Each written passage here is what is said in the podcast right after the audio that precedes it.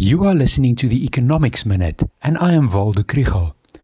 One of the key indicators released this week is private credit extension. Credit growth was 5.7% in June and it slowed to 5.1% in July. It is specifically the credit granted to companies that have grown more slowly. This is a sign of how slow the economy is recovering.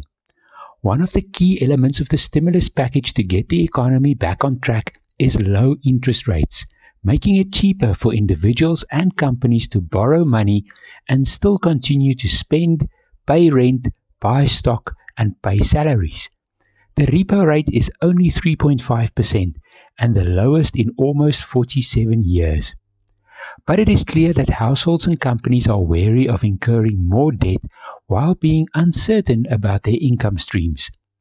The result is the paradox of thrift.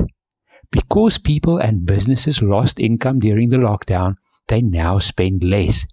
But because they are spending less, businesses' sales are lower and salaries are uncertain, which makes everyone more frugal and the cycle continues another round of austerity. If very low interest rates cannot help break this cycle, the process of economic recovery will still take some time.